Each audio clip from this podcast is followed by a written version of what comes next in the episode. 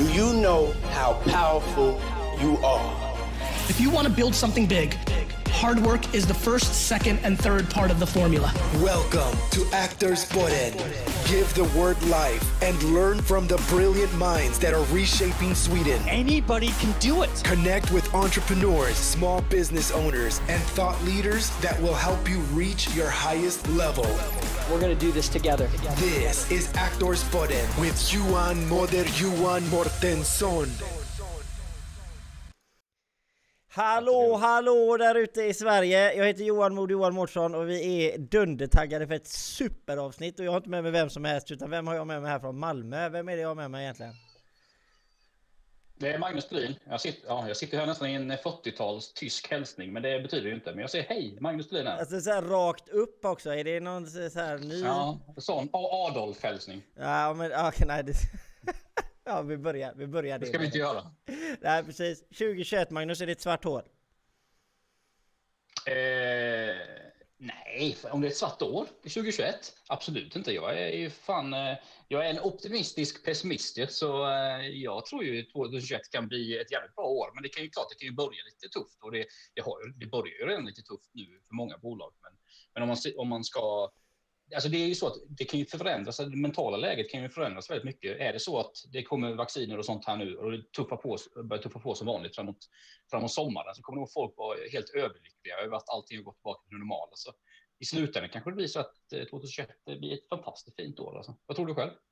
Jag, jag, är ju, har ju, jag tycker nästan att jag har varit mer positiv än det, men jag, jag börjar backa kan jag säga. Jag är Alltså vi, börjar, vi kan börja med Arbetsförmedlingens siffror som har kommit här just nu då. Så är det ju så här att 20 mm. år, 2020 år 2021 beräknas antalet inskrivna arbetslösa till genomsnittligt 490 000 respektive 580 000 2021 då. Det motsvarar arbets, mm. arbetslösnivåer på 9,4 procent respektive 11 procent. Långtidsarbetslösheten i sin mm. tur väntas stiga redan eh, till, ja, till, från redan höga nivåer.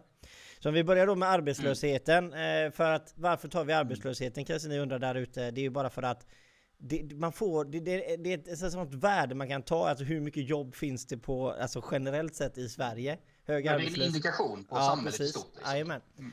vad säger du om det? Mm. För att jag, jag, jag, vet ju att jag sa ju att det kommer gå över 10% 2020. Eh, nu gjorde det inte det, 9,4 så jag får äta en sko eller något eller vad säger du Magnus? Men, nej, men...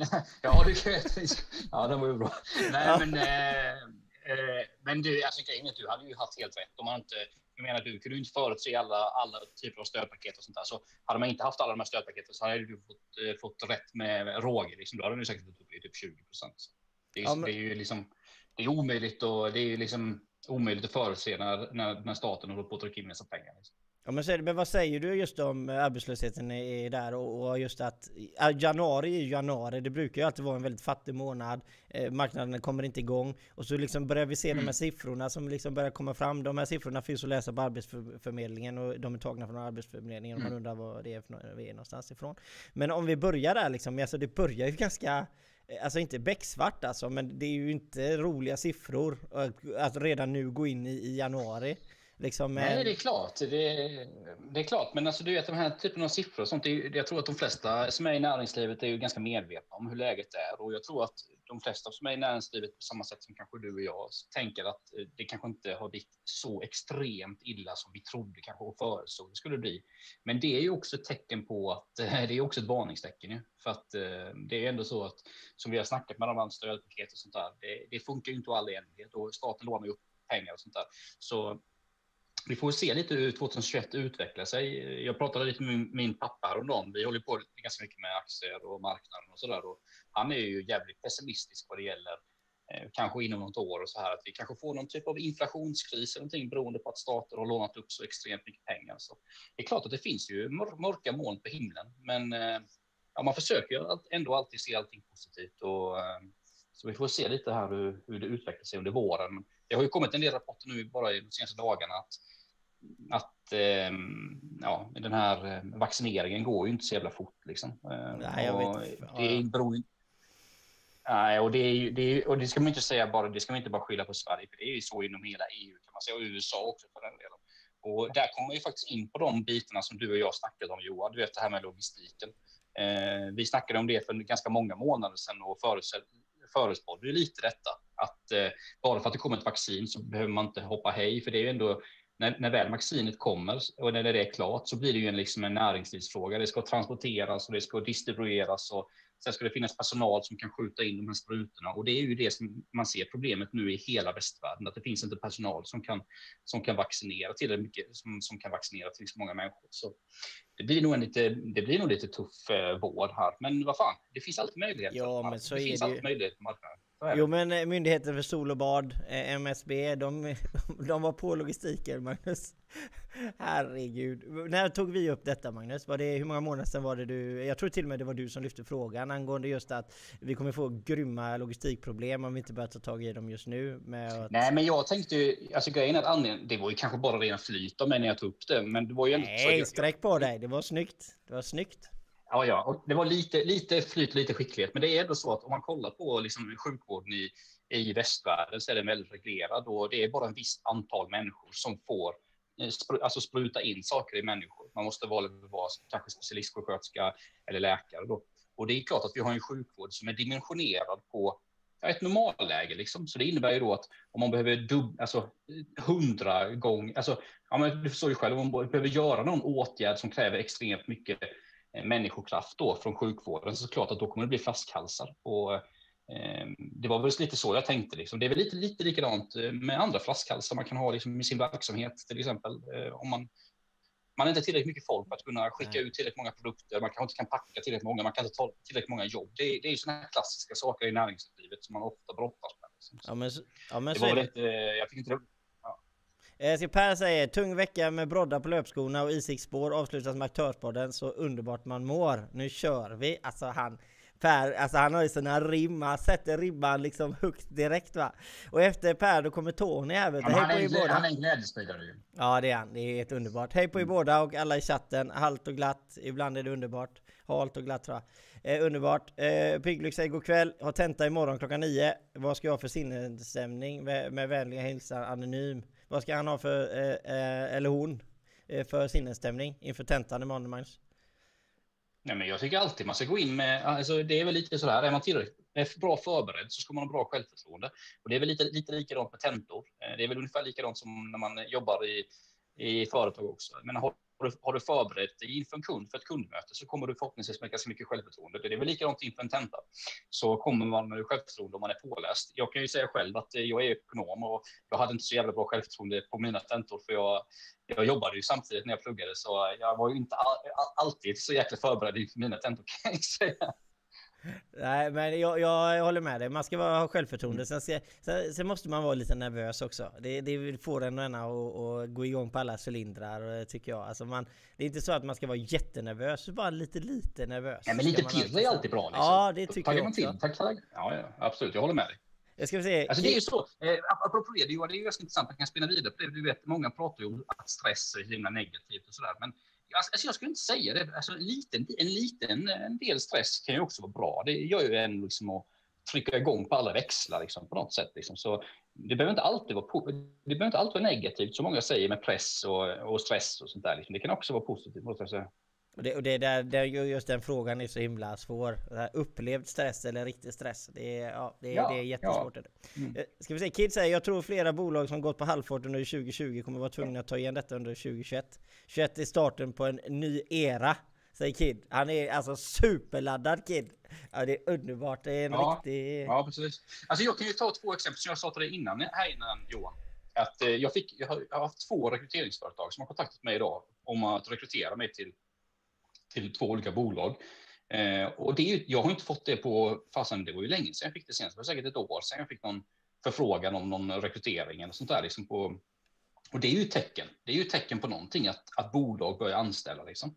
Så eh, det finns nog en, en hel del optimism tror jag i näringslivet faktiskt beroende på det här med vaccineringarna. Eller så är du rent ut sagt headhuntad ett ankare här på jo, jo, företagssnack. I, i, i, med jag, i, ja, men i, i och med att jag inte har blivit headhuntad nu på ett år kanske under den här krisen så är ju det ändå tecken på att det kanske börjar hända någonting. Liksom. Ja men du var ju borta två så avsnitt där eh, så att jag menar ja, det. Ja. Men det är ju tur att de, det är tur att de inte har kollat mig eh, eh noggrannare då för fan headhuntar mig då jävlar blir det åka av kan jag lova. Så, eh, frågan är om de pallar. Herregud. Eh, Amir Mohammed säger hej Magnus. Eh, eh, Tjena Amir. Eh, kan säga, hur dopad är marknaden Magnus? Extremt dopad skulle jag säga. Eh, väldigt, väldigt, väldigt dopad. Eh, skulle tro också att många av typ till exempel stora fonder, pensionsfonder och sånt är väldigt dopade också. Och det är det som jag var inne på lite innan. Det är lite riskig, riskfullt då med tanke på de, alla de pengarna som många stater har tryckt upp. Man kan ju bara se de här räddningspaketen till exempel inom EU som vi hade ett helt avsnitt om.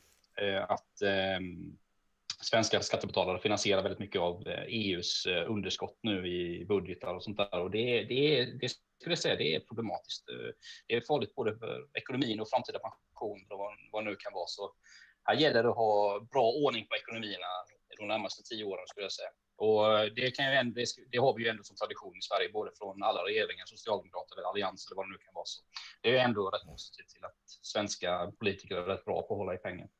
Mm, absolut. Eh, eh, Mange Mums och Johan Hjärtekross, säger Erik.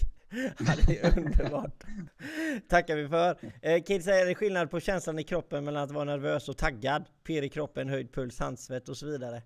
Oj, nu är du inne på saker som absolut inte jag kan svara på. Men eh, uppfattningsmässigt så känslar det mer med inställning. Alltså vad man... Eh, hur man känner sig. Alltså vara nervös tycker jag är, är, är oftast ganska Men Johan, du, du är ju sån människa kan jag tänka mig som jobbar bra under press typ.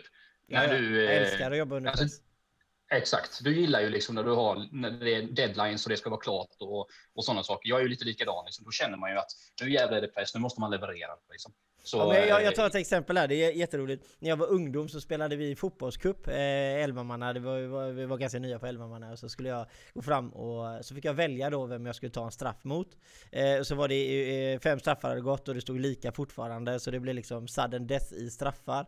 Eh, och då eh, kom tränaren fram till mig då, Johan eh, du får ta en straff till liksom. För jag hade ju satt min då och så, ja men jag tar min straff då. Så gick jag, så tittade jag på motståndaren så såg jag att han var en högfotad. Nej nej, jag tar nästa, jag tar nästa.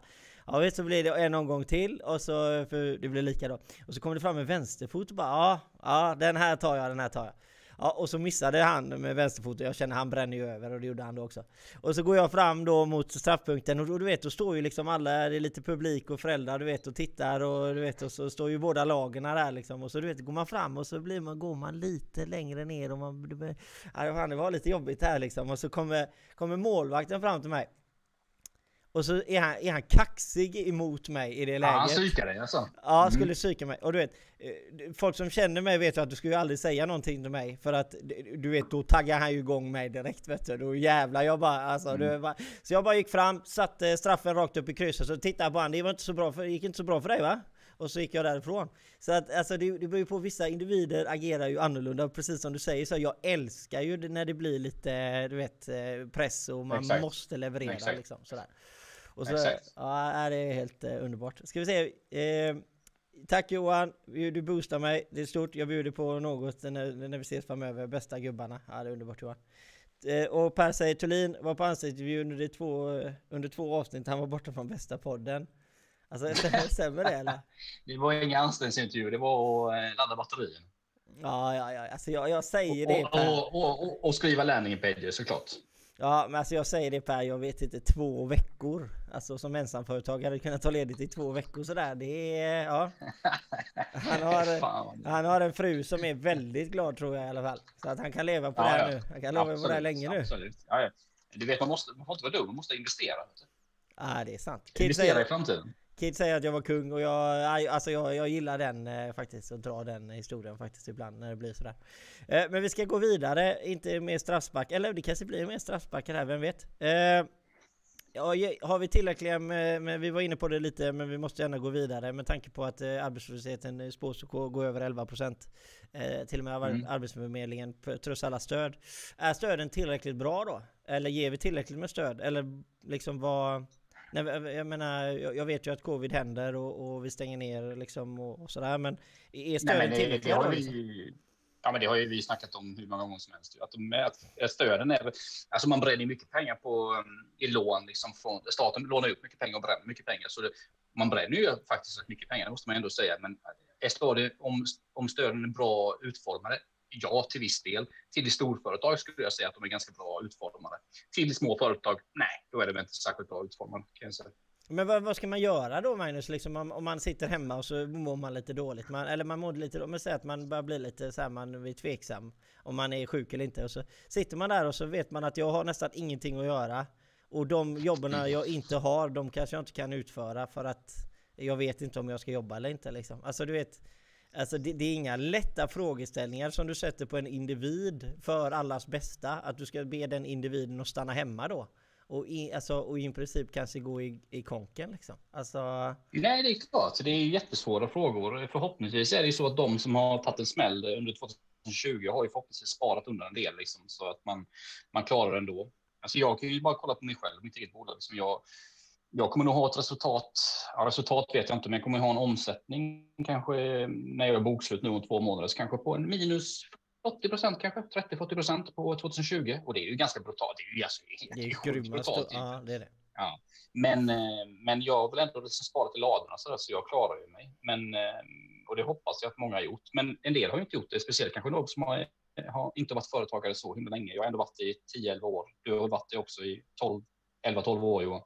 Så förhoppningsvis har man sparat undan lite då, men det är klart, är man ny företagare så, där, så är det en helt annan femma och det är klart att eh, då eh, ja, det är ju en jävligt jobbig situation som många sitter i måste man ju säga. Jag tycker jag läser ganska mycket. Jag följer ju ganska många sådana sidor, typ småföretagarsidor och sånt där. Man har ju väldigt tuffa situationer, speciellt kanske inom besöksnäring, restaurang sådär. Alltså restaurangen är ett typexempel, för det är ofta ja, småföretagare. Som, som, och det är, o, ja, det är fruktansvärda historier man hör. Alltså. Och det är klart att eh, de är inte särskilt, såklart är inte de särskilt nöjda med stöden och sånt som kommit från regeringen, medan kanske Volvo och Saab och sådana är supernöjda. Liksom. Jo, men precis. Men, men alltså det, är ju så här att när, man, när covid-19 händer eh, och händer och det sa ju du och jag i början båda två det här att man man ska inte vara populistisk i början liksom. Alltså regeringen har gjort bra ifrån sig ändå. Man har gjort någonting. Det var mm. inte lätt. Man hade inte mycket tid mm. och, och, hela den biten. Men de, den tiden är, är förbi nu. Den, den tiden är förbi nu. Nu har det nästan gått ett år från att vi liksom... Ja, den är för tiden är för ja. länge, är över för länge sedan. Alltså. Precis, för nu, nu är det ju dags då liksom att se till att, för att jag är rädd för att, 2021 kommer bli ett riktigt, det första Q1 2021 kan bli ett riktigt svart hål. Alltså att mm. det kommer vara en, en sån katastrof, mm, alltså kvartal som kommer vara väldigt lång tid innan vi kommer komma tillbaka till en sån dålig, dålig första kvartal. Men det, det, det jag bara ser det, det är bara indikationer jag får hela tiden när man eh, läser på vissa säger, alltså till exempel människor som ansöker om jobb hos mig och jag är ju inte världens största mm. arbetsgivare. Jag menar, vi får ju, jag får in helt plötsligt fyra liksom, ansökningar i, i veckan minst. Liksom, ja. nu. Alltså jag bara ansökningarna om ja. arbetslösa, det bara ökar och ökar och ökar och man bara ser människor som är utanför arbetsmarknaden liksom. Och då, det, alltså, det är bara typ, typliga indikationer hela tiden på att vad är det som händer ute i marknaden? Var, varför är folk... Ja, verkligen alltså. Och, och jag menar, och därför, blir, därför har blivit... Jag börjar bli orolig, alltså jag börjar bli orolig för att mm. 20, alltså första kvartalet kan bli riktigt, riktigt dåligt. Eh, det är intressant att du säger det. Min pappa skickade mig precis en artikel från Financial Times som handlar om, eh, om just det här att det kan bli att det är ganska mycket mörka moln som finns på himlen nu, speciellt i USA med inflation och sånt. Jag kommer lägga den i din tråd faktiskt, den länken om man är intresserad av att läsa mer om det. Men eh, alltså, jag tror att din oro är befogad Johan, definitivt, speciellt i vissa branscher. Alltså. Absolut. Är det den on feet? Var det den du körde eller? Ja, det är ju som den ändra, LinkedIn ändrar ju länkarna. Så. Ja, precis. Ja, ja, men precis. Och eh, hur hög arbetslöshet klarar ju, samhälet? Ja, det är Financial Times. Det står i ft.com, så det är Financial Times. Ja, eh, Kid, hur, alltså det är ju alltid, det är ju väldigt... Eh, jag skulle säga... 15 procent. Nej, men... Nej. Ja, jag skulle säga, ja, det är alltid svårt att säga, men någonstans mellan kanske upp mot 20-25 procent innan det blir kollaps typ, i ekonomin, skulle jag säga. Sen, men alltså, ja, vi, det beror på vad du menar. Riktigt. Alltså menar du ja, alltså, under en kort, kort, period eller menar du under en längre period? För att jag tror att... Ja, men, ja, nej, men en kort period klarar man ju mycket liksom. Men eh, under en längre period så kollapsar ju väldigt mycket saker om det kommer upp mot 20-25 procent skulle jag säga. Ja precis, ja men det är Jag tror att vi, vi nu, nu, är, nu får man ändå ta det med en nypa salt. jag tror, tror att vi kan bära samhället med en 15% arbetslöshet under ett, ett, bra, ett tag i alla fall. Det, det tror jag. Ja, det tror jag också. Det tror jag också. Men, men, Man pratar ju ofta om, det finns något som kallas depression och det, det är ju ett begrepp inom ekonomin, men det finns ingen, det finns ingen liksom, finns ingen vetenskap runt depression. Det är bara ett begrepp som man använder och det finns ingen som kan definiera exakt vad en depression är. För att världen har bara upplevt ett fåtal depressioner, till exempel i USA då, på 20-30-talet.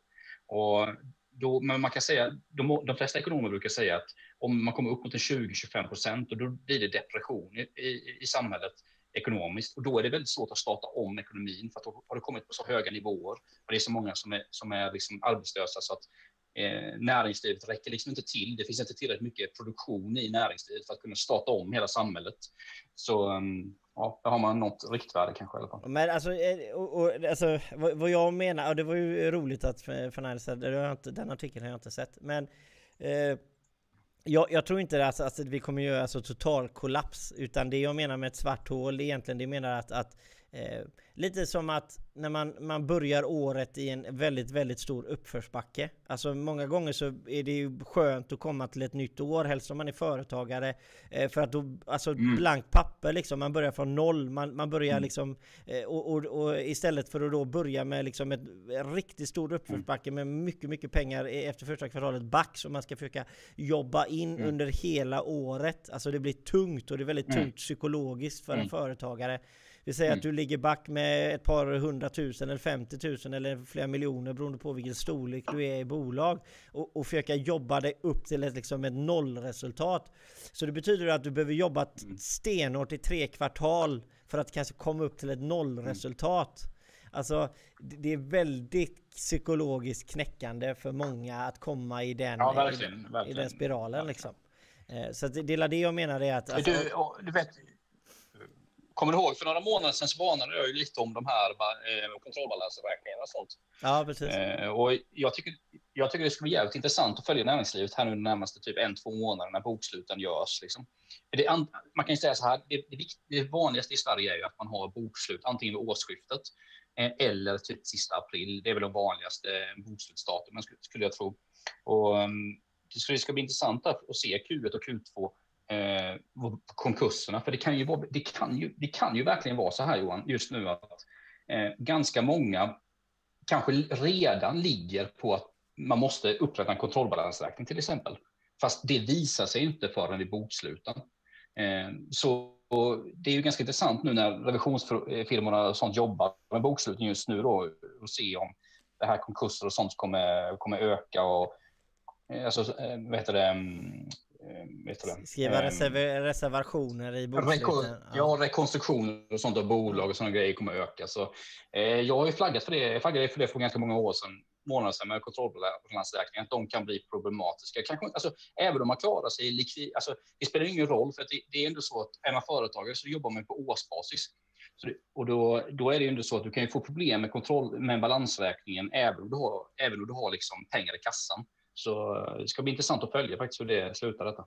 Ja men alltså det, det, är ingenting som jag hade tänkt på så det, det, när du tog upp det för ett par månader sedan. Så den är helt på dig och den, det håller jag med dig. Det, det, kan vara ett jätteproblem och bara för att eh, människor som inte kanske förstår vad Magnus menar så menar man ju, vi säger att du har 100 000 i aktiekapital eh, men du har förbrukat 50 000 mm. av de, de, de pengarna. Eh, och du har, ingen, du har inte några pengar som väger upp för de pengarna så att revisionsbolaget som gör din revision säger att vi kommer reservera oss emot dig eh, och, och bla bla bla och driver du vidare då kanske företaget så kanske du kan då öppnar du upp för juridiska åtgärder mot dig själv och det ena och det andra. Alltså det, det är jättebra. Så det, det som Magnus menade var ju att man skulle avsäga sig den personliga Eh, och, alltså bakslaget om det skulle hända något med bolaget om du mm. driver vidare, vidare mm. bolaget ändå. Ja, eh, exakt. Ja, det var, det var så du tänkte eller? heter det. Ja, precis. Ja, men det var det ja, du tänkte. precis. Jag har snackat om det här företrädaransvaret och eh, vi får ju se lite. För jag, jag, jag, vet inte exakt hur reglerna är, för jag har inte råkat ut för det själv någon gång som företagare. Men om man måste upprätta en kontrollbalansräkning så tror jag man har typ åtta månader och sånt där till att återställa aktiekapitalet tror jag. Eh, men det är ju det är en revisor som beslutar det tillsammans med Bolagsverket eller liknande tror jag. Så eh, vi får se lite här hur Men det, jag Ja, vet inte hur, hur- det hur- fungerar, för, för jag menar, jag kan ju bara säga att jag har ju varit nere på noll själv och jag har ju aldrig upplevt en kontrollbalansräkning för att det, man... Nej, nej, men ofta är det ju så här alltså. Småföretagare är det ju lite annorlunda. Alltså, är det stora bolag så är det annorlunda för då, rapporterar du ofta säkert din ekonomi flera gånger per år till revisionsbyrån och sånt där. Medan en småföretagare rapporterar ju bara en gång per år typ under sitt bokslut. Liksom då, då, det är då man går igenom ekonomin och kollar allting och kollar varulager, man kollar kassan, man kollar alla verifikationer och sånt där. Och då, det är ofta då det kommer upp att man behöver upprätta en kontrollbalansräkning. Liksom. Och det kommer ju ofta i samband med bokslut och det är det jag tänker att det kan komma en hel del från små, alltså det är ju småföretagen jag pratar om nu. Liksom. Ja precis. Eh, ska vi se, Per säger för allmän information. Jag sökte precis på Google på industrielektra i Göteborg. Det blev J2, grattis. Han är underbar. Eh, eh, Hade du, hade, du, hade du planterat den Johan? Nej jag har inte planterat den faktiskt. Det är underbart eh, här. Jag ska säga, det, det finns en ocean av affärsmöjligheter. Gose Biskisgården har rivstartat. Sålde 170 starköl i veckan. En bra vecka. Ja det är underbart. Eh, underbart Per. Eh, Tony säger, tror ni att det ökade rotavdraget kan få igång marknaden mer för flera företag? Kommer privatpersoner ta den bollen? Jag vet inte, vad är Ja, det? alltså det- det, här, det det, här är jag... Är rotavdraget utökat? Ja, man har utökat både ROT och RUT-avdragen eh, för att stimulera ekonomin. Och, Gälla fler Visst, det är klart att- branscher eller? Ja, ja, dels RUT-avdragen har ju, gäller ju fler branscher nu. ROT-avdragen tror jag man har ökat beloppen och RUT-avdragen har man också ökat beloppen och det handlar ju om helt enkelt om att få människor att konsumera. Men det är klart, sådana grejer funkar ju så länge folk konsumerar. Men vi, vi var ju inne på arbetslösheten lite innan. Och är det så att arbetslösheten går upp på så pass höga nivåer så innebär ju det att det finns mindre människor som kan konsumera och kanske bygga om sitt hem eller anlita städtjänst eller vad det nu kan vara. Liksom. Så det kräver ju ändå att det finns en, en marknad som är mottaglig för att konsumera. Och går, går arbetslösheten upp väldigt mycket då så spelar det inte stor roll, men då kan du höja liksom de här avdragen hur mycket du vill. Det kommer få mindre och mindre effekt om du inte har kunder som utnyttjar dem. Liksom. Ja men så är det ju. Men på kort sikt, just i nuläget, absolut, säkert, säkert. Ja men det tror jag ju med och dessutom håller ju borta svarta pengarna för marknaden och det är ju väldigt positivt. Eh, ska säga Johan säger det, det var väl något grönt bidrag också? Det har ju nästan, det har ju varit... Eh, ja. ja, det har ju varit det absolut bästa skulle jag säga med RUT och ROT-avdragen. Att det har ju tryckt bort svarta marknader till att göra dem vita. Absolut, det är Ja. ju en jättebra grej. Ja, vad sa du om gröna marknader? Sa du? Ja, nej men Johan sa det här med grön teknikavdraget eller det nya grön teknik Mm. och det, det är ju ett jättebra med tanke Mm. på att eh, jag, jag tror ju alltså för, om vi ska se elbranschen alltså laddboxinstallationsmässigt så är ju det extremt Mm. Och solceller och sånt där. Liksom.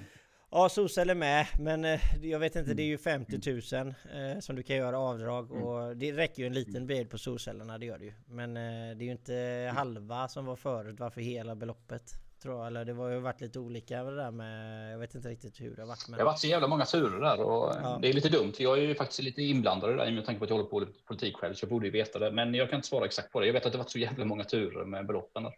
Ja precis, jag vet, eh, jag tror att eh, grön teknikavdraget är tror jag, sämre för eh, just solceller men det är väldigt mycket bättre för laddboxinstallationer. Så att, eh, Mm. där- är det laddboxar då för typ bostadsrättsföreningar och sånt där då? Eller, och privatpersoner? och Ja så, precis, att du kan dra upp till 50 000. Eh, Och det som är det bästa Mm. som man ändå får ge kodos till regeringen eller de som har tagit fram förslaget, jag vet inte vilka det är. Det är att eh, det nya grön teknikavdraget är att installatören, alltså själva företaget måste köpa in produkten för att du ska kunna eh, dra av 50%. Mm. Så det betyder att du som privatperson inte kan köpa in någonting från USA och installera här för då får inte du dra av 50% på det. Problemet, eh, det ska ju alla veta det där ute, det är att när man öppnar upp för privatpersoner att köpa sakerna själva Marknaden på ne- internet är global. Det betyder att du kommer liksom inte köpa in, det, det är inte de svenska företagen som får go- tillgodose sig de pengarna. Så att det är riktigt bra att man har eh, skrivit in det att företagen måste köpa in grejerna. För då betyder det att pengarna går in i svenska företag och inte offshore.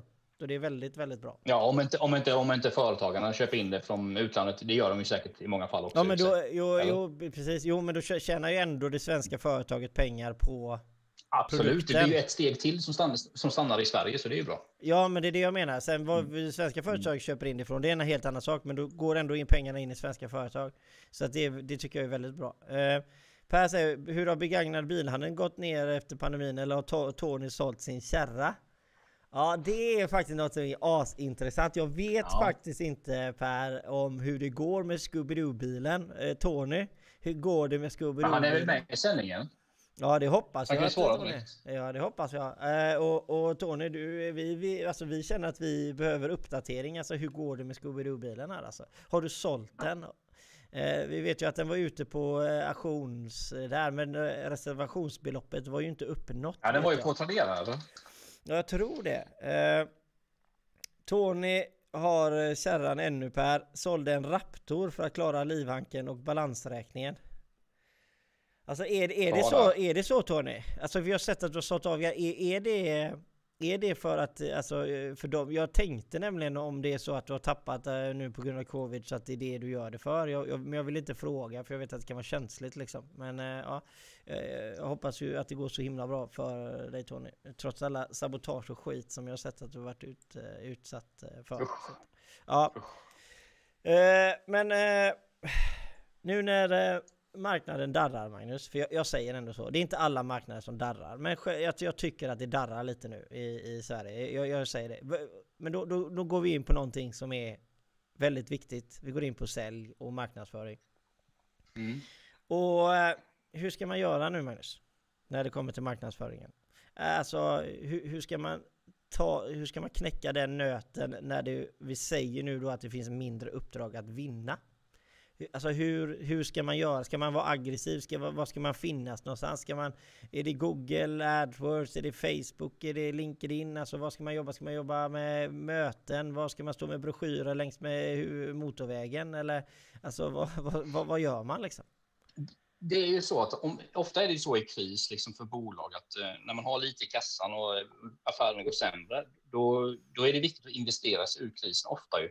Men, men för att kunna investera sig ur saker så krävs det kapital att kunna investera i saker då liksom, om man ska investera sig ur krisen. Och men det finns ju saker, jag vet inte hur många gånger vi har snackat om detta i den här podden. Och jag pratar ju ofta om landing pages, liksom Google och sånt. Man kan, man kan prata om AdWords så mycket som helst. Alltså jag är ju hyfsat okej på att skapa AdWords, men det är ju ändå så att jag brukar säga det till nästan alla kunder och sånt jag har. Börja med AdWords när du har bra organiskt. Och bra organiskt, det skapar man genom att göra content på sin hemsida. Eh, skriv nyheter på din hemsida om något specifikt ämne. Eh, skriv om någon, dina produkter, skriv om dina tjänster, vad det nu är.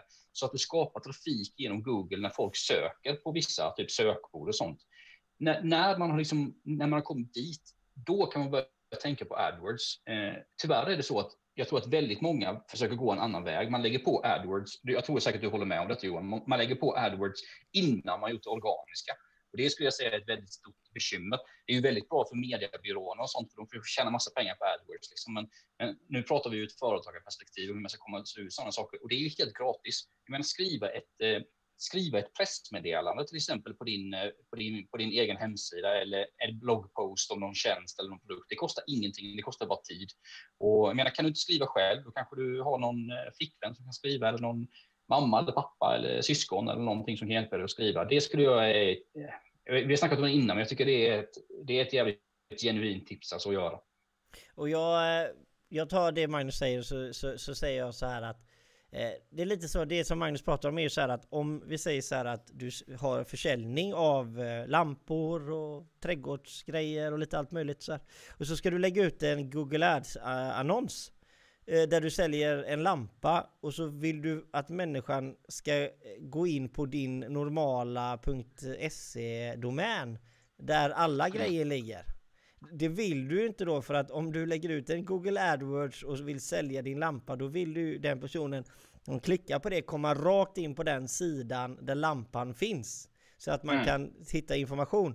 Och det är precis det Magnus säger att du behöver skapa Alltså eh, eh, trädgårdslampa eh, som en landningssida på, på ditt domän för att kunna marknadsföra den på Google AdWords så att folk kan köpa den där igenom. Så att du måste Precis. alltså skapa själva eh, contentet och inte bara använda din startsida. För då det, du kommer, eh, det kommer inte funka så bra i, i försäljning och, och antal klick och vad det kostar och lite sånt där. Så att, ja. Man, kan, man skulle kunna ta ett exempel till exempel på ska se här, jag är inne på min winsher nu. Säg att du tar, eh, ja, men säg att du tar det här sökordet. Jag har ett sökord som jag har lagt in på min bevakning till exempel som är gamification. Det kanske inte är så jätteintressant för mitt bolag, men jag har ändå lagt in det som bevakning och där, där rankar ju inte jag alls högt. Liksom, för jag har inte skrivit någon, eh, någon artikel eller någonting om det, om det sökordet. Men det sökordet uppskattas att det kostar 3,8 dollar per klick. Det innebär då att som, om, om du annonserar genom AdWords eh, så kommer du få betala 3,8 dollar och det blir då 30 spänn ungefär per, per, per människa som klickar på din annons. Eh, om du däremot skriver en jävla massa artiklar om gamification på din hemsida så kommer ju Google känna att åh jäklar, den här hemsidan är ju relevant för, för gamification. Då kommer de ranka dig högre upp på Google och det innebär att du kommer ju få folk som klickar på dina, på, di, på dina sökresultat utan att du betalar någonting. Det är ju en liten, liten sammanfattning. Så Google AdWords kan vara bra, för, men jag tror det är som ett komplement. Det kostar ju mycket i klick. Liksom. Klicken kostar mycket pengar om man annonserar. Ja men så är det. Så att eh, där, så, så går man in på marknadsföring idag så är, så är det ju väldigt viktigt att, att nå ut eh, snabbt. Det är ju dina sociala inlägg. Alltså mm. LinkedIn, Instagram, Facebook, eh, what have you. TikTok om man använder det liksom. Alltså, alla de, det är ju liksom, då kommer du ut i flödet direkt. Problemet med mm. flödet, och det ska du finnas med hela tiden. Problemet med det flödet är att en dag senare så är det inlägget borta. Eh, och så får du börja om med en ny dag och, och, och, och liksom den här bländ, vända pappren efter ett bokslagsår som tar ett år som ett företag när man har bokslut. Eh, när det kommer till flödesinlägg så är det en dag och så är den död. alltså det, det, du, du måste ha väldigt, väldigt... Men när du kommer till sökoptimering då som vi pratar om, det är att den landningssidan kanske kommer att vara verksam i två år, tre år, tio år. Det vet du inte, men mm. den kommer ju finnas där länge. Eh. Ja, och tid är ju ofta bra när det gäller sökoptimering också. Liksom. Eh, man, du brukar ju säga det till mig Johan, du säger ofta så att du måste ha tålamod, liksom. det kommer inte hända på en vecka. Liksom. För det är ju ofta så att om man, om man skriver en ny artikel om en specifik sökord så som är intressant på Google, så det kommer inte Visst, du kanske kan avancera på Google på en vecka, men du kommer inte komma på topplaceringar förrän på lång, alltså man brukar säga ett, två år ibland. Liksom. Om du söker på framgång, Magnus, vad, vad ja, kommer jag där nu då? Vad är, vad är jag upp, vad är, vilken, vilken plats är jag på där nu om man söker på framgång? Hur högt har jag kommit? Trea. Mm. Hur många det är, är fantastiskt det, Hur många är det som söker på det ordet tror du? Eh, jag kan kolla. Ja det är, det är nog ett par. Jag ska kolla det. Ja det är nog ett par tror jag. Säker, säkerligen. Det är nog alltså, det, det jag menar, det tar lång tid. Du får du ska sätta två år om du ska ha ett sökord som når mycket trafik. Så att man måste ju liksom jobba på det hela, hela tiden. Jag vet inte hur många gånger jag har liksom eh, sagt till Magnus att du behöver göra landningssida varje dag till exempel. Du måste, eller... Det gör jag Ja, nu ja. ja. Och så i början, ja. var det inte Men det, det ger mycket. 1600 sökningar i månaden är framgång. Eh, då kan jag ju faktiskt eh, konstatera att du ligger trea på den, så du har ju säkert en, eh, ja, du har ju säkert en 200-300 besökare i månaden på det sökordet, eller hur? Säkerligen. Ja. ja säkert. Ja, ja, Där ser ni, det, det, är ett bra exempel.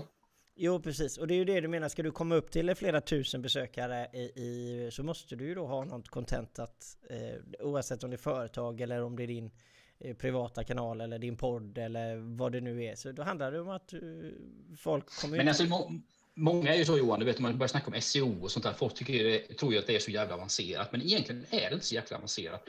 Alltså skriv en, gå in på din eh, hemsida, skapa en blogg och så skriver du ett blogginlägg. Säg att jag, mitt bolag till exempel, vi jobbar ju med ja, olika eh, digitalisering så säg att, eh, ja men vi säger typ, till exempel Pers bolag, Business Garden heter hans bolag. Mm. Ja, då skriver man en inlägg om eh, Business Garden och hur viktigt det är med sälj och med marknadsföring och sånt. Och det inlägget, eller det blogginlägget kommer ju börja ranka liksom, direkt när du är klar med det. Så man, eh, Många tror att man måste lägga in massa kod och hit dit. Visst, man kan alltid finslipa saker. Det kan man alltid göra för att göra saker optimalt. Men ibland räcker det liksom att skriva en vanlig artikel på en 200-300 ord så kommer du liksom börja klättra på Google. Ja, tror jag. Och det är det där man ska börja. Och sen om, om vi ska köra den vanliga eh, den marknadsföringen. Jag tror, att, jag tror att vi pratar om det, eller jag pratar om det. Alltså, när kniven är mot strupen så är det dags att släppa allting som har med liksom, jag vet inte om jag ska göra detta. Gör det bara. Mm. Ut, alltså, mm. spri, alltså ut och gör det bara. Alltså sluta sitt och vara så jävla ängslig och tveksam. Ut och gör det bara. Alltså jag menar, om, om vi tar Kid som exempel, jag menar när vi hade podden senaste med honom, jag ringer ett samtal, Jag menar det spelar ingen roll om det, det kalla samtalet säger nej. Alltså jag kommer inte, ge, jag kommer vara som en jävla pitbull, jag kommer inte sluta.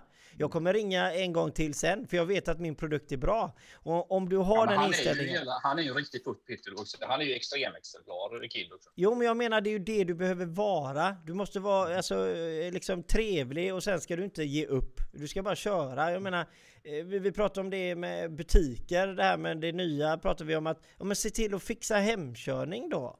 Lägg upp eh, det på sajten, säg att du fixar hemkörning, prata med butiken bredvid, ska vi dela på en, eh, anställa någon lärling här till någonting som kan köra några gånger i dagarna här, och timanställd och vi delar på kostnaden? Och så, alltså, alltså det är bara, det är bara, man måste hitta på nya idéer och de nya idéerna kommer inte när man sitter ner och bara pengarna rullar in och du inte behöver göra någonting. Utan de nya idéerna kommer när du har kniven mot strupen och du måste göra någonting. Och jag menar, jag vet att det är tröttsamt och jag vet att det är sånt, men det är ingen idé att tycka synd om sig själv, för det är ingen annan som eh, kommer tycka synd om dig när du väl sitter där ändå. Eh, utan det är ju bara att köra liksom. Jag menar, det, visst, det är, livet är hårt ibland, men så är det. Det är bara att bita i. Eh, Ja, absolut.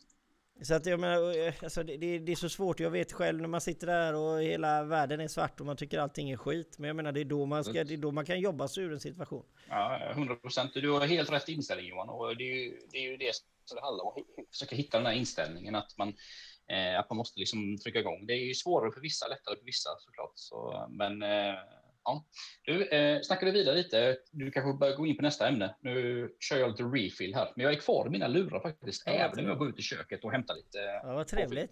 Ska vi se, Tony säger det är bara för att jag vill vara med med barnen angående Salt och Raptorn där. Och det var, det är ett underbart fint eh, Tony får jag säga. Det är, jag tror att dina barn uppskattar det. Något så fruktansvärt att ha pappa hemma.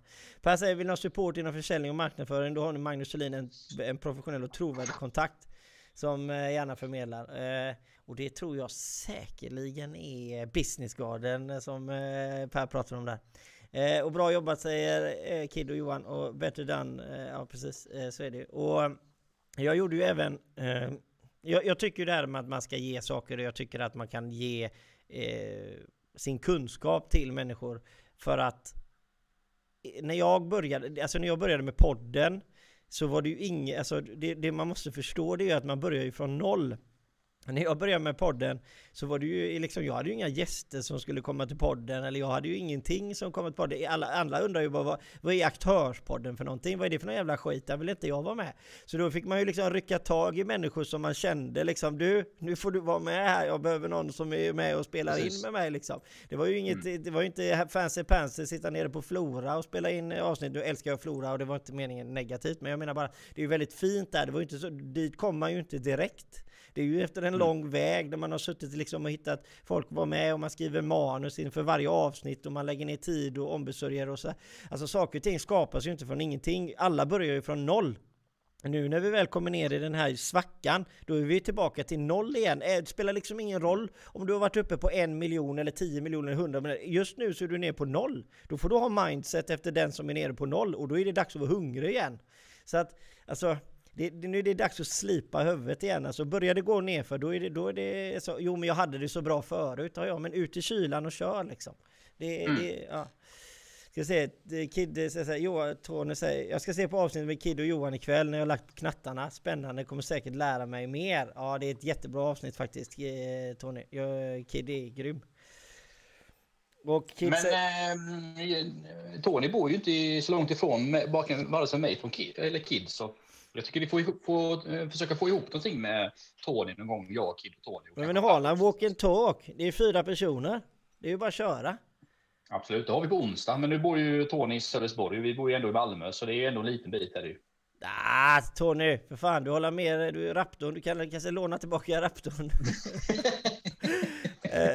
uh, ska vi se här. Uh, Kid säger LinkedIn-samtal, sms-mail. Sen är det bara runt, runt, runt. Får man inte komma dit ett par varv så får man vara kreativ. En gång besökte jag kundens golfklubb för att visa att, för jag visste att han brukar vara där. Och detta var bra, det var feedback jag fick från kunden. Ja, Kid, jag säger ju det. Man hittar vägar om man inte tar nej. Som eh, accepterar inte ett nej. Eh, Utan då, man, man, behöver inte acceptera, man behöver inte vara ute med att säga att jag ska vinna affären till 100%. Man kan vara ute och säga att jag säger inte nej förrän jag har skapat mig en relation med personen eller kunden. eh, som det är frågan om. Liksom. Det är relationen som egentligen är värd någonting. Sen kanske man inte vinner den affären, men då vinner man senare.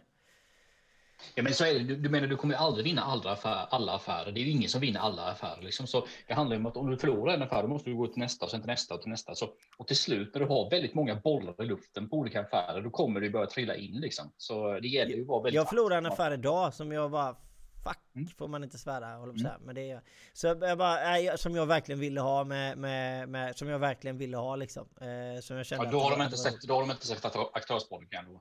Eh, jo, men det var ju inte... Det var, det var, nej, det har de kanske inte i och för sig. Eh, men eh, oavsett, eller det har de säkerligen om man säger. Men, men eh, oavsett, det är så ibland gör, förlorar man. Så är det bara. Eh, och jag är inte sur på den som vann, utan jag, jag ser ju bara vad kunde jag själv gjort bättre eh, för att vinna nästa gång. Alltså det är ju det det handlar om liksom. Man, man kan vinna på, man, alltså, man kan förlora på sig olika anledningar också. Det finns mycket, som, mycket spel bakom. Och sånt här också, så man ska inte dra för stora växlar det. Liksom. Då är det bättre att gå vidare till nästa. Nej, men man ska aldrig vara sur på den som vinner. Det är det jag menar. Man ska, vara, man ska bara se till sitt eget. Nej. Vad kunde jag gjort bättre? Ja. Och jag får vinna nästa gång. Ja. Men det är eh. likadant sådär med, du vet, med konkurrenter och alltså så vet jag aldrig det där med konkurrenter. Bara för att man agerar i samma bransch och man jobbar i samma bransch så behöver man ju inte vara ovänner. Liksom. Det är ändå så att lite, det är ändå så karma på något sätt. Att eh, livet går vidare och man vet inte vad som händer i framtiden. Det, det är bättre att liksom vara på god fot med alla människor liksom, på något sätt. Och det är helt riktigt. Och eh, Tony är på Walk and Talk eh, så du får skicka inbjudan till han Kid eller... Absolut. Det fick Per, per Skoglund som ansvarig för Industriverkets inbjudningar. Så Per Skoglund skicka en inbjudan till till Tony. Titta, vi nätverkar här och folk chattar och nät... ja, det är helt fantastiskt. Det är så det ska funka liksom. Eh, så Om vi har fler människor från Malmö i den här podden så kan vi säga att på onsdag har vi Walk and Talk i Pildammsparkarna med industrinätverket. Vi, alltså, vi är ju bolag då som, eh, som riktar oss mot svensk industri. Så har man ett intresse av det så återigen kontakta Per på LinkedIn är nog enklast skulle jag säga. Per Skoglund. Alltså nu har vi så jäkla mycket punkter här. Jag vet, vi får, nu får vi vara effektiva här. Eh, Okej, okay, nu börjar... Ja, vi har 13 minuter, så kör vi. Ja, nu kör vi, nu kör vi. Nu kör vi. Eh, Stefan Löfven har inte handlat genom e-handel, tror vi på detta? Mm. Nej, jag tror inte riktigt på det för sig. Det, det är ju på något sätt han, eh, han kör ju säkert ganska mycket på sitt varumärkesspel, att han är liksom en äldre herre som eh, med tradition och sånt där. Men det är möjligt. Jag tror ju, han har ju säkert kanske han. Ja, det kan ju vara så att han inte handlat någon gång och det tycker jag är lite problematiskt måste jag säga från en regering för Sverige som ska vara. Sverige ska ju ändå vara ett av världens ledande technationer. Liksom vill man ju ut, ut, utstå sig och vara liksom. Så det är ganska anmärkningsvärt måste jag säga. Ja, alltså jag, stämmer det Stefan? Alltså om det stämmer så tycker jag att det är jäkligt kodos till dig för att du är ärlig. Det måste man ju mm. säga. Eh, men alltså vad fan har du växt upp bakom en sten eller vad fan allvar? Nej men alltså det är 2020 Stefan, det är dags att komma in i matchen. Och jag har sett ganska roliga marknadsföringar från Lyko, ja, ja, ja, lite olika så här, de ger typ Stefan du får 5000 spänn, kom och handla så ska vi lära dig, eh, grymma liksom. Men oavsett... alltså, jag har ju lite en, jag har ju en softspot för Stefan Löfven, det är ju så att jag är ju, jag står ju väldigt, väldigt långt eh, deras politik, det vet kanske de flesta i den här podden, men, men det är ju så Stefan Löfven, jag har ändå en liten softspot för honom för han, han kommer ändå från en bakgrund. Han har varit arbetare liksom och jobbat som svetsare och sånt där. Och jag har ju lite förs, förkärlek för, för politiker som har varit i arbetslivet och, och sånt där. Är inte Stefan fackpamp? Jo, det har han ju varit de senaste 10-20 åren, men han har ju... Han har är, är, det, liksom. är, en, fack, en fack, fackperson en arbetare? Nej, men man kan ju säga så här... Är inte man typ kontorist? Ja, men Johan, det är ju så, säkert de sista, sista säkert tio åren så har ju säkert eh, Stefan Löfven varit en fackpamp som suttit på kontor, men innan dess har han ju varit förtroendevald fack, facklig representant på arbetsplatser under 20-30 år. Liksom. Och okay, jag har ändå, jag, dålig koll. Ja, men jag har ändå respekt för sådana. Alltså jag står ju väldigt långt ifrån facken och sånt. Det vet ju de flesta i den här podden. Men jag har ändå respekt för människor som, som liksom eh, på den andra sidan som ändå. Och det är ju lite därför jag har lite soft för Stefan Löfven. Men tyvärr är det ju så att. Eh, ja, men, ja, men det, är, det handlar lite om man, så här. Ja, vem kan man, du dricka kaffe med? Nej, man kan inte. Alltså, hade jag fått välja vem jag skulle käka lunch med eller middag med så hade jag ju valt Stefan Löfven före Ulf Kristersson. Liksom. Men det beror ju på mina liksom, personliga preferenser. Vad det gäller kompetens så kanske jag inte hade valt Stefan Löfven. Nej men, nej, men, nej, men det, är det som det, det håller, alltså, det är det jag säger. Det, det är ju ganska mysigt. Så vem hade du kunnat dricka kaffe med? Vem hade du uppskattat? Och jag hade inte haft några problem att sätta mig och dricka kaffe med Stefan. Liksom. Det, han är säkert jag tror du hade haft mycket gemensamt med honom definitivt. För, menar, du är ju från um, du jobbar ju med elteknik och sånt där. Liksom, så det jag röstade på sossarna när jag var 18 första gången. Det var för mitt första val. Ja, ja, det är klart. När jag var 18, ja, var elektriker, kom ut där. Var alla röstade ju på, det måste jag ja, ja. Ung, ung och dum, vet du. Man får rösta på vad man vill liksom, bara man röstar. Så är det. Absolut, eh, det är det viktigaste. Vi, som sagt, nu tog vi för lång tid så, eh, vi, vi, vi, fick en fråga här om sociala plattformarna börjar eh, börja med hårdare regler om vad som får sägas på deras. Eh, och där kommer, kommer det påverka företagare? Mm, den är ganska intressant. Section frågan, alltså det... eller 230 i USA. Ja, exakt, exakt. Som, um, vi ska inte gå in i det för, för vi kan prata om det här i en timme tror jag. Men vad tror vi? Ja, vad, vad händer om det påverkar företagare liksom?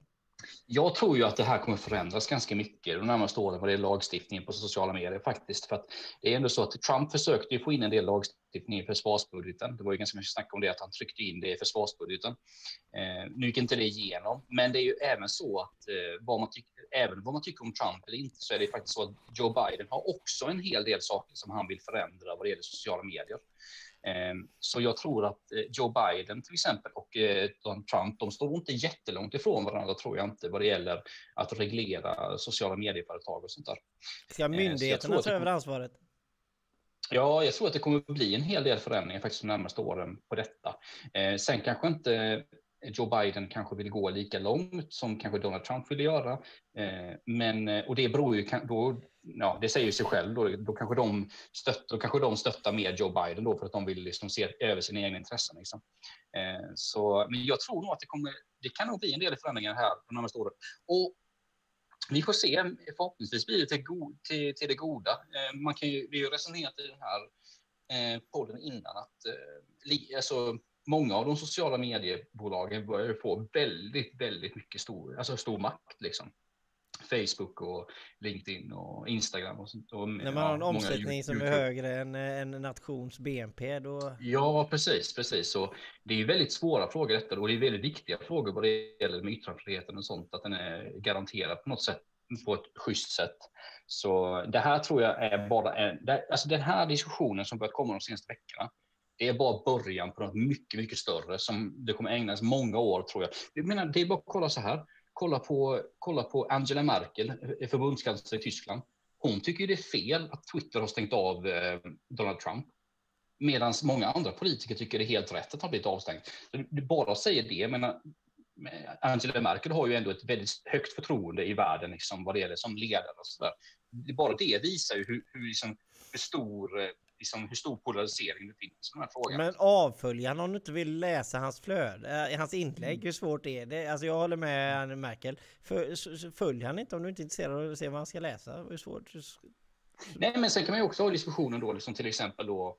Ja, nu, nu är det lätt att man tar Donald Trump som exempel beroende på diskussionen. Och, men jag menar, hade jag skrivit många av saker som han hade skrivit, kanske de senaste tre, fyra åren, så hade jag säkert blivit avstängd från från hade blivit, ja, men det tror jag. Det hade du blivit. Precis. Det, det Precis. Så då är det frågan, ska man sätta, ska man sätta yttrandefriheten, ska man begränsa yttrandefriheten för vissa medan man gör Nej, andra? Nej, självklart det, inte. Alltså det är väldigt svåra frågor detta. Det är otroligt svåra frågor alltså. Men vi får inte stanna längre, vi måste gå vidare. Ja, absolut. Eh, Zlatans återkomst till landslaget, vad säger vi om detta? alltså jag gillar ju Zlatan, han har bra självförtroende och sådär, så jag gillar ju Zlatan. Zlatan till landslaget alla dagar i veckan. Jag håller med, jag är big Zlatan-fan. Jag har följt Zlatan. Ja, jag också. Jag, jag älskar Zlatan alltså. Kolla Barcelona och Milan. Jag, alltså jag håller alltid på de lagen när Zlatan spelar. Alltså jag gillar ju, jag gillar ju människor som tar för sig liksom. Då, då, då gillar man ju Zlatan. Liksom. Ja men det gör man ju. Så är det. Eh, Simple ja. News, vad säger vi om Simple News? Ja, Simple News, de är ju, eh, de, de har ju faktiskt inspelning nu Johan, i min studio nu för tiden på, ehm, på Thulin Digital. Så eh, jag får ge lite kudos till mig själv där, att jag låter dem spela in sina avsnitt hos mig. Men jag är fan, de börjar få riktigt mycket driv på, ehm, på sociala medier, på LinkedIn kör, kör ju de. Eh, jävligt imponerande faktiskt. Men det är ju två killar, Aydin och Kid. De har ju galet mycket energi de två. Så jag är inte förvånad att de skapar engagemang. Liksom. Nej, jag är tummen upp. Jag tycker de är skitroliga. Jag tycker alltid ska ju titta på måndagar. På måndagar kommer Simply News om man är intresserad och är inne på LinkedIn. Så det tycker jag absolut man ska. Och då ska man följa Aydin, eh, vad heter han i efternamn? Det är lite svårt där. Han har ju ett eh, Balkan efternamn. Vad heter han i efternamn? Adjan C. Eh... Mm. Aydin Srnovic och eh, Kid Hammarström ska man ju följa dem om vi ser Simple News. Kid säger att man inte kan hålla på United när han spelar United när Zlatan gjorde det. Jag kan säga att jag, Kid, jag, kan säga att jag håller på Liverpool men eh, jag hade lite... Jag, jag, jag gillade med United när Zlatan spelade. Eh, ja, jag, håller ju på, jag håller ju på Arsenal och vi kommer aldrig kunna, aldrig kunna signa Zlatan kan jag ju säga.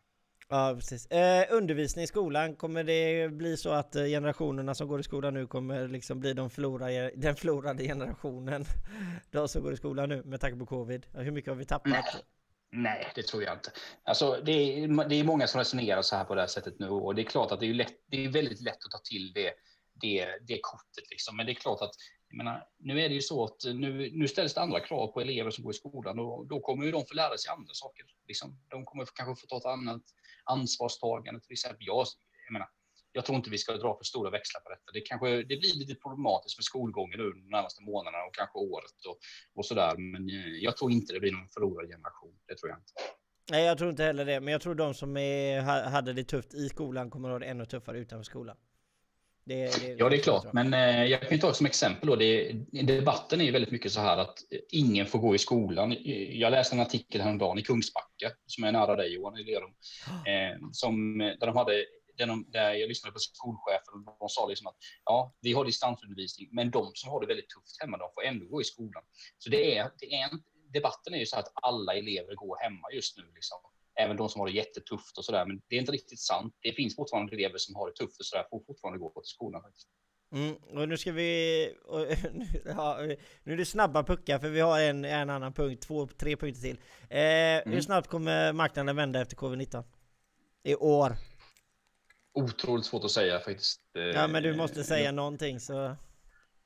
Alltså jag tror, att, jag tror nog att marknaden kanske vänder ganska fort. Men det kan bli en reaktion skulle jag tro kanske om något år. Men detta är jag spekulerar bara med om något år beroende på alla de här lånen och sånt som många stater har tagit upp. Eh, att man måste kanske höja skatterna och sånt för att finansiera alla sina lån och sånt. Och höja skatter är ju väldigt negativt för näringslivet. Liksom. Så ja, på kort sikt absolut. Det kanske blir en jätteuppsving, men på lång sikt lite osäkert. Okej. Okay. Eh, jag tror att det tar... Eh, jag har sagt innan ett år. Jag tror att det kommer komma igång ganska bra efter ett år. Så det, jag, håller, jag håller kvar mm.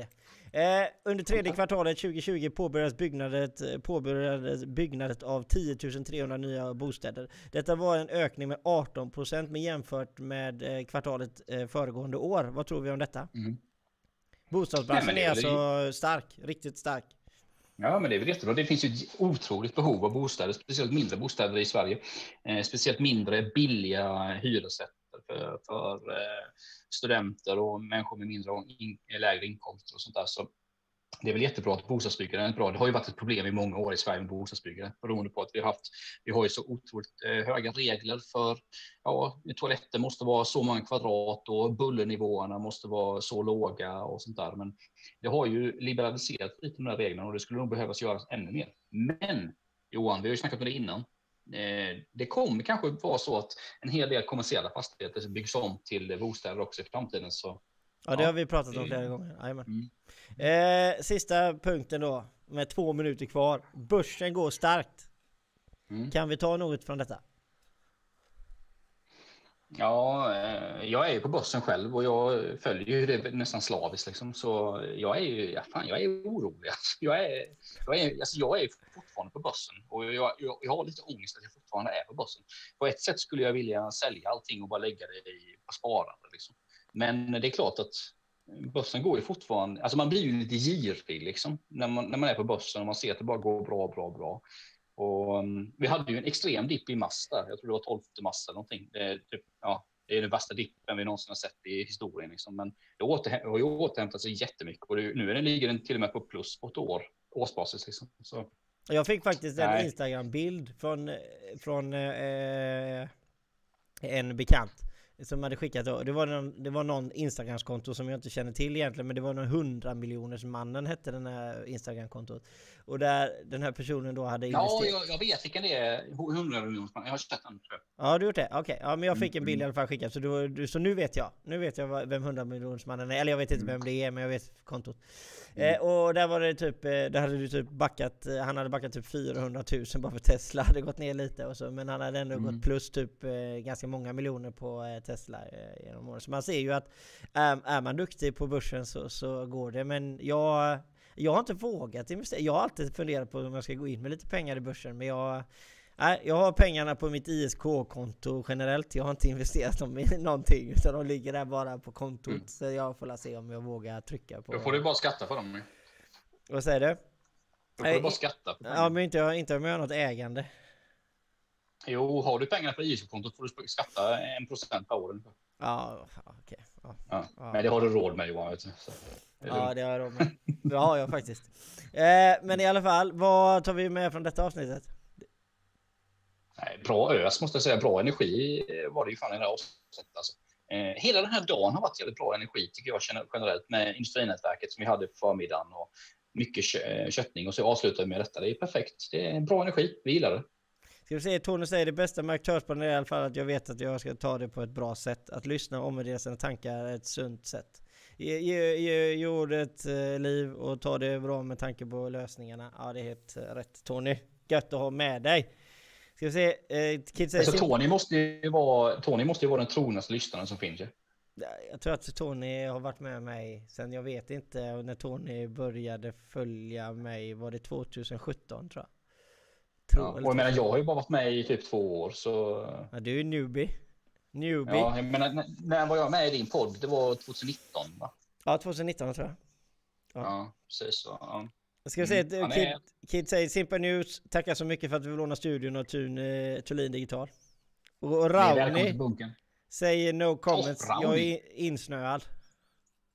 Rauni alltså. Ja. Rauni är, kan jag säga, Rauni är ju riktigt trogen följare på min Facebook-kanal. Eh, hon kommenterar ju på det mesta och, och sådär. Hon är en jävligt positiv person, så det, det gillar vi.